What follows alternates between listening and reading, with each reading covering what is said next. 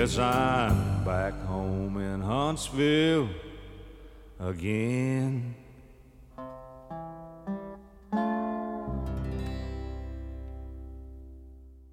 Welkom bij deze extra Prison Show, Prison Show Extra, waarin ik uh, met Frans in gesprek ga over de gevangenissen en de situatie tijdens deze coronapandemie. We zitten weer flink in een lockdown momenteel. Die zal uh, deze week ook wel worden verlengd, vrezen wij. En uh, Frans, um, jij ja. volgt de ontwikkelingen?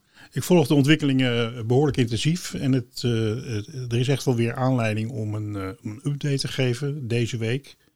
Um, Laat ik beginnen met te zeggen dat er allerlei berichten zijn over het feit dat er problemen zijn met mensen die in gevangenissen met gedetineerden, waarbij mensen dan bijvoorbeeld weigeren om van de luchtplaats af te gaan of achter de deur te gaan. Die hoor ik eigenlijk van over het hele land al een tijdje. Um, wat ik eigenlijk wil beginnen te zeggen is dat uh, de buitenwacht, de buitenwereld, vaak denkt van goh, wat een toestand. Er zijn opstanden, dat woord wordt ook vaak gebruikt. Nou, dat is helemaal niet aan de hand. Er is geen sprake van opstanden. Er is sprake soms van een, een, vorm van ongehoorzaamheid, die over het algemeen maar heel kort duurt, waarna iedereen gewoon achter de deur gaat, omdat de situatie in de gevangenissen gewoon zo is dat gedetineerden echt niet in de positie zijn om iets te doen. Hè? Gedetineerden worden een groot deel van de dag uh, opgesloten, zeker in coronatijd. De ene besmetting naar de andere, waardoor ze gewoon heel erg lang verstoken van contact met familie en dergelijke, gewoon in de gevangenis of in hun eigen cel opgesloten zitten. Op het moment dat een gedetineerde iets doet of zegt of zich zo gedraagt dat dat niet wordt geapprecieerd, dan uh, wordt hij achter de deur gezet. Hij kan naar de strafcel gaan, hij wordt overgeplaatst. Uh, er is ook een systeem waarin eigenlijk zonder al te veel wettelijke garanties een gedetineerde, als hij zich niet goed gedraagt, uh, in een sober regime wordt geplaatst. Hè? Dus als zijn privileges kwijtraakt. Dus uh, ja, wat ik van alle gedetineerden eigenlijk hoor is van goh, um, op het moment dat ik iets zou willen doen, of met een aantal mensen iets zou willen doen, of een punt zou willen maken, of een actie zou kunnen voeren, dan ben ik, ik zelf ben dan de dupe, maar ook mijn gezin is dan de dupe en de mensen buiten. Want dat betekent ontzettend veel ook voor bezoekmogelijkheden enzovoorts. Dus het hele beeld van, goh, kijk eens even, uh, uh, er gebeurt zoveel. Mhm. Dat is eigenlijk binnen de gevangenis is dat, uh, ligt dat gewoon anders. Het zijn meer filmscenario's uh, waar dat je dan aan moet denken. Dat is niet de werkelijkheid. Dat, zijn film, dat is niet de werkelijkheid, want de mensen hebben gewoon echt de mogelijkheid niet om iets te doen. Ja. Wat heel ernstig is en wat, uh, waar het veel minder over gaat in de media, is dat eigenlijk uh, gedetineerden en hun families een afschuwelijke tijd doormaken tijdens deze corona-epidemie. En dat heeft een aantal oorzaken. Um, nou, laat ik eerst iets zeggen over uh, uh, wat er verandert aan de omstandigheden.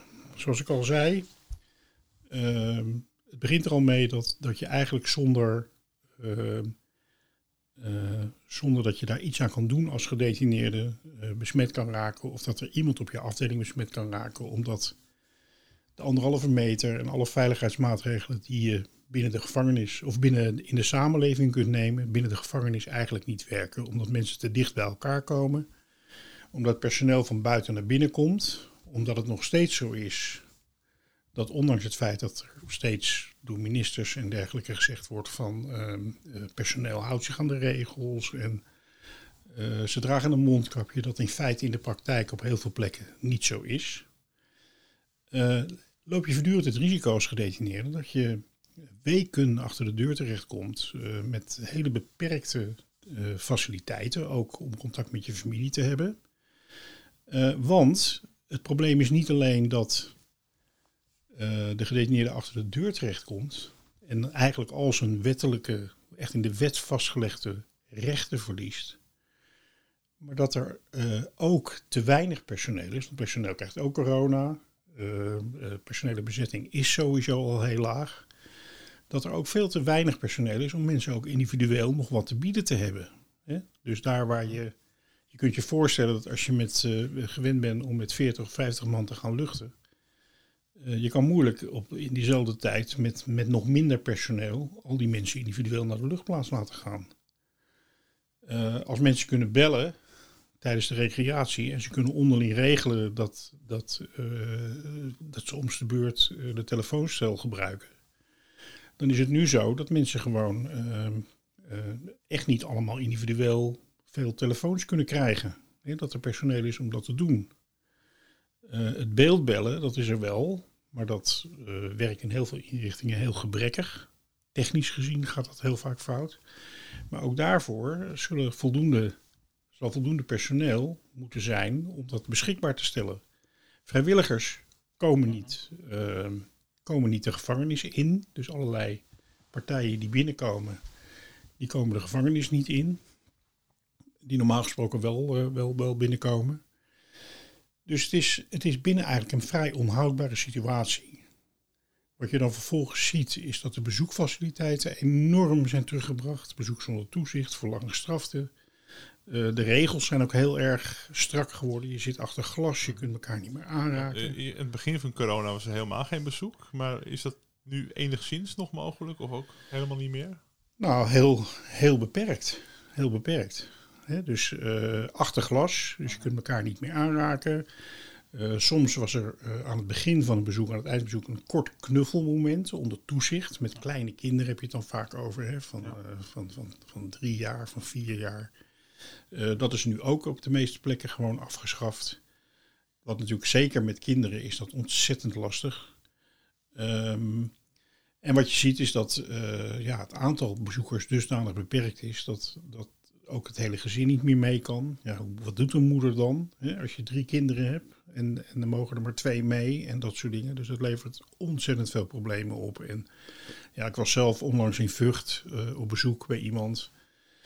Ja, en dan zie je gewoon uh, de impact op de, op de gezinnen ook. Hè? Dat, uh, dat vrouwen zich keurig netjes gedragen. Want ook achterblijvers, net als gedetineerden, weten gewoon op het moment dat je iets doet of iets zegt of je niet goed gedraagt, dan, uh, dan ben je gewoon de sigaar. Dan word je aangepakt. En dan merk je buiten dat de vrouwen in huilen uitbarsten en zeggen ik trek het niet meer dit is niet meer te doen en dat soort dingen. Want binnen kun je dat, soort van ja, van binnen kun je dat niet uiten. Dat kun je niet uiten. Wat, wat de sfeer eigenlijk extra naar maakt en wat echt een hele grote impact heeft, is het uh, nu al een aantal jaren durende beleid waarin gedetineerden en, en hun families uh, vrijheid van meningsuiting wordt ontzegd. Ik heb daar heel vaak aandacht voor, gevraagd in de in de, in de Prison Show en op andere plekken. Er zijn nu ook vragen gesteld, eind vorig jaar door uh, Kamerlid van Nispe uh, aan de minister, die daar nog geen antwoord op heeft gegeven. Maar het punt is dat in een gevangenis is het ontzettend belangrijk dat mensen de vrijheid van meningsuiting hebben, uh, met de pers kunnen praten, kunnen bellen, kunnen zeggen wat ze willen. Uh, familie moet iets kunnen publiceren op een website of op sociale media als het gaat om de mening van op wat er gebeurt binnen. Gaat het dan vooral over. Die communicatie is weliswaar aan een aantal regels gebonden. Hè? Dus de regels van privacy en je moet niet over de strafzaak beginnen en slachtoffers benaderen. En het moet, in, in, het moet met uh, de goede zeden in overeenstemming zijn. in België is het dan bijvoorbeeld zo dat gedetineerden dat maar gewoon mogen doen. En dat achteraf ze eventueel aangesproken en gestraft worden als ze zich niet aan bepaalde regels voor de communicatie hebben gehouden. In Nederland krijgt gewoon geen enkele gedetineerde toestemming om met wie dan ook te spreken. Omdat geheel ten onrechte en ook wettelijk onjuist uh, de afdeling voorlichting en de minister eigenlijk vinden dat de gedetineerden en hun uitingen, dat dat onderdeel is van hun voorlichtingsbeleid. Dat moet passen in wat zij willen uitstralen en wat zij vinden dat naar buiten moet komen. Ja, helemaal waterdicht. En dat je dat voor personeel doet, is al heel erg eigenlijk. Want personeel zou ook, heeft ook dat recht van vrijheid van meningsuiting. Die moeten ook kunnen vertellen hoe zij zelf dingen ervaren. Zonder op de stoel van de minister of van de politiek te gaan zitten. Maar die, zou, die hebben wettelijk ook dat vrij, die vrijheid van meningsuiting. Die krijgen dat ook niet. Maar voor gedetineerden die helemaal niet van de minister zijn. Het enige wat de minister doet is iemand uh, zijn vrijheid benemen. Die, zou, die moet je dat ook niet mogen opleggen. En uh, nou ja, uh, jurisprudentie, daar blijkt steeds uit dat, dat ze dat wel moeten doen. Maar um, die vrijheid van meningsuiting gunnen, maar het gewoon niet doen. En dat, dat maakt de situatie in de gevangenis heel erg moeilijk, want daardoor weet niemand, ook de media, kan er niet achter komen wat er nou eigenlijk precies in de gevangenis gebeurt. En uh, wij kunnen dus met z'n allen niet controleren wat er in de gevangenis gebeurt. Dat weten we gewoon niet. Dat weet ook helemaal niemand. En dat wordt eng dan. En uh, als je honderden mensen met elkaar, personeel en gedetineerden, in een gebouw opsluit, ja, dan krijg je dus uiteindelijk toch een hele ongezonde sfeer. Er komt geen zuurstof bij. Um, uh, het, wordt, het wordt benauwd. Uh, er komt, ja, het, is, het, is, het is een hele slechte, ongezonde situatie. Um, ja, voor mensen die, die denken van ja, maar ze zitten niet voor zweetvoeten. Dat de, minister, de, de, de minister die inmiddels weg is, die zei dat af en toe. Ze zitten niet voor zweetvoeten. Nou, bedenk dan dat 80% van de gedetineerden maar een kortere gevangenisstraf uitzit. En gewoon eigenlijk onze buren en, en medemensen in de samenleving zijn. Uh, bedenk dan ook dat volgens de wet de enige beperking die je mensen mag opleggen. Uh, uh, het feit is dat ze niet naar buiten kunnen. En dat je niet verder mag martelen of afknijpen of het mensen moeilijk mag maken. Dat staat ook gewoon in de wet. De vrijheidsbeneming is de straf. Dat is de straf. En dat wordt aan alle kanten met voeten getreden. En um, ja, ik wil ook nog wel iets zeggen over personeel en directies van, van inrichtingen. Um, die zitten ook in die zin in de knel. Dat ze gewoon ja, grote personele problemen hebben. Dat ze te maken hebben met een heel directief uh, repressief beleid vanuit Den Haag. Dat er heel veel repressieve wetten ook doorgevoerd zijn in de afgelopen tijd. Dus uh, ja, dat ze met elkaar een beetje als een rat in de val zitten.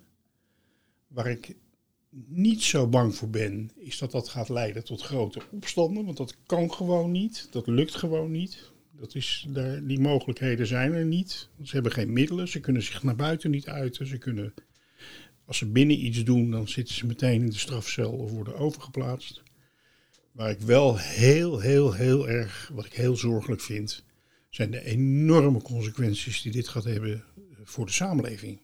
En uh, voor al die gezinnen die door deze gang van zaken getroffen worden, al een paar jaar. Naast het feit dat het sowieso al heel erg zwaar is om iemand in de gevangenis te hebben, een dierbare. En dat gaan we gewoon, uh, ja, dat is een enorme rekening, menselijke rekening, die in de samenleving wordt neergelegd. Want je zal maar opgroeien in een gezin met iemand in de gevangenis onder deze omstandigheden. Die mensen komen weer buiten. Uh, er zijn in totaal zo'n 50 à 60.000 kinderen per jaar die een ouder hebben die weer uit de gevangenis komt. Um, nou, tel uit je winst. Daar hoef je niet veel fantasie voor te hebben om te bedenken wat dat uh, voor consequenties heeft. Tel uit je schade eerder. Ja. En ik hoor het vanuit het hele land op dit moment. Ik hoor het van achterblijvers, ik hoor het van gedetineerden, ik hoor het van advocaten. Ik hoor het eigenlijk de hele dag door. En naast het toenemen van de onrust zie ik steeds meer voorbeelden van uh, praktijken waarin uh, directies van inrichtingen uh, ja, eigenlijk over hun bevoegdheden heen gaan. Dus, dus voorbeelden van gedetineerden die brieven schrijven waar ze geen antwoord meer op krijgen. Gedeco's die op een doodspoor worden gezet. Mensen die dingen aankaarten en gewoon van de een op de andere dag weggeplaatst en overgeplaatst worden. noem maar op. Dus er is ook de penitentiaire beginselenwet, die eigenlijk regelt wat de rechten van gedetineerden zijn. Die, die, die wordt voortdurend ingehaald door een, ja, een praktijk die aan het ontstaan is, onder druk binnen. Die rechten die doen er gewoon niet meer toe dan? Nee. En het is nu over, je hebt het nu over de gevangenis in Oeganda of, of over eh, welke nee, dit is, dit? dit? is Nederland. En wat mensen buiten natuurlijk zich niet realiseren, is dat uh, we natuurlijk al een aantal jaren al een heleboel stappen teruggezet hebben. In Nederland eigenlijk de, de rechtspositie van gedetineerden al jarenlang enorm onder druk staat. Dat uh, tijdens de huidige ja, neoliberale periode, hè, waarin, uh, waarin, er, waarin we zeg maar, uh, de VVD vooral aan de macht hebben, uh, een, een, eigenlijk een, een, gedetineerde steeds minder rechten hebben en eigenlijk dat, datgene wat we reïntegratieprojecten noemen, maar voor een heel klein percentage van de gedetineerden toegankelijk is. Maar ook dat tijdens de coronaperiode in de afgelopen twee jaar eigenlijk de meest repressieve wet die we kennen.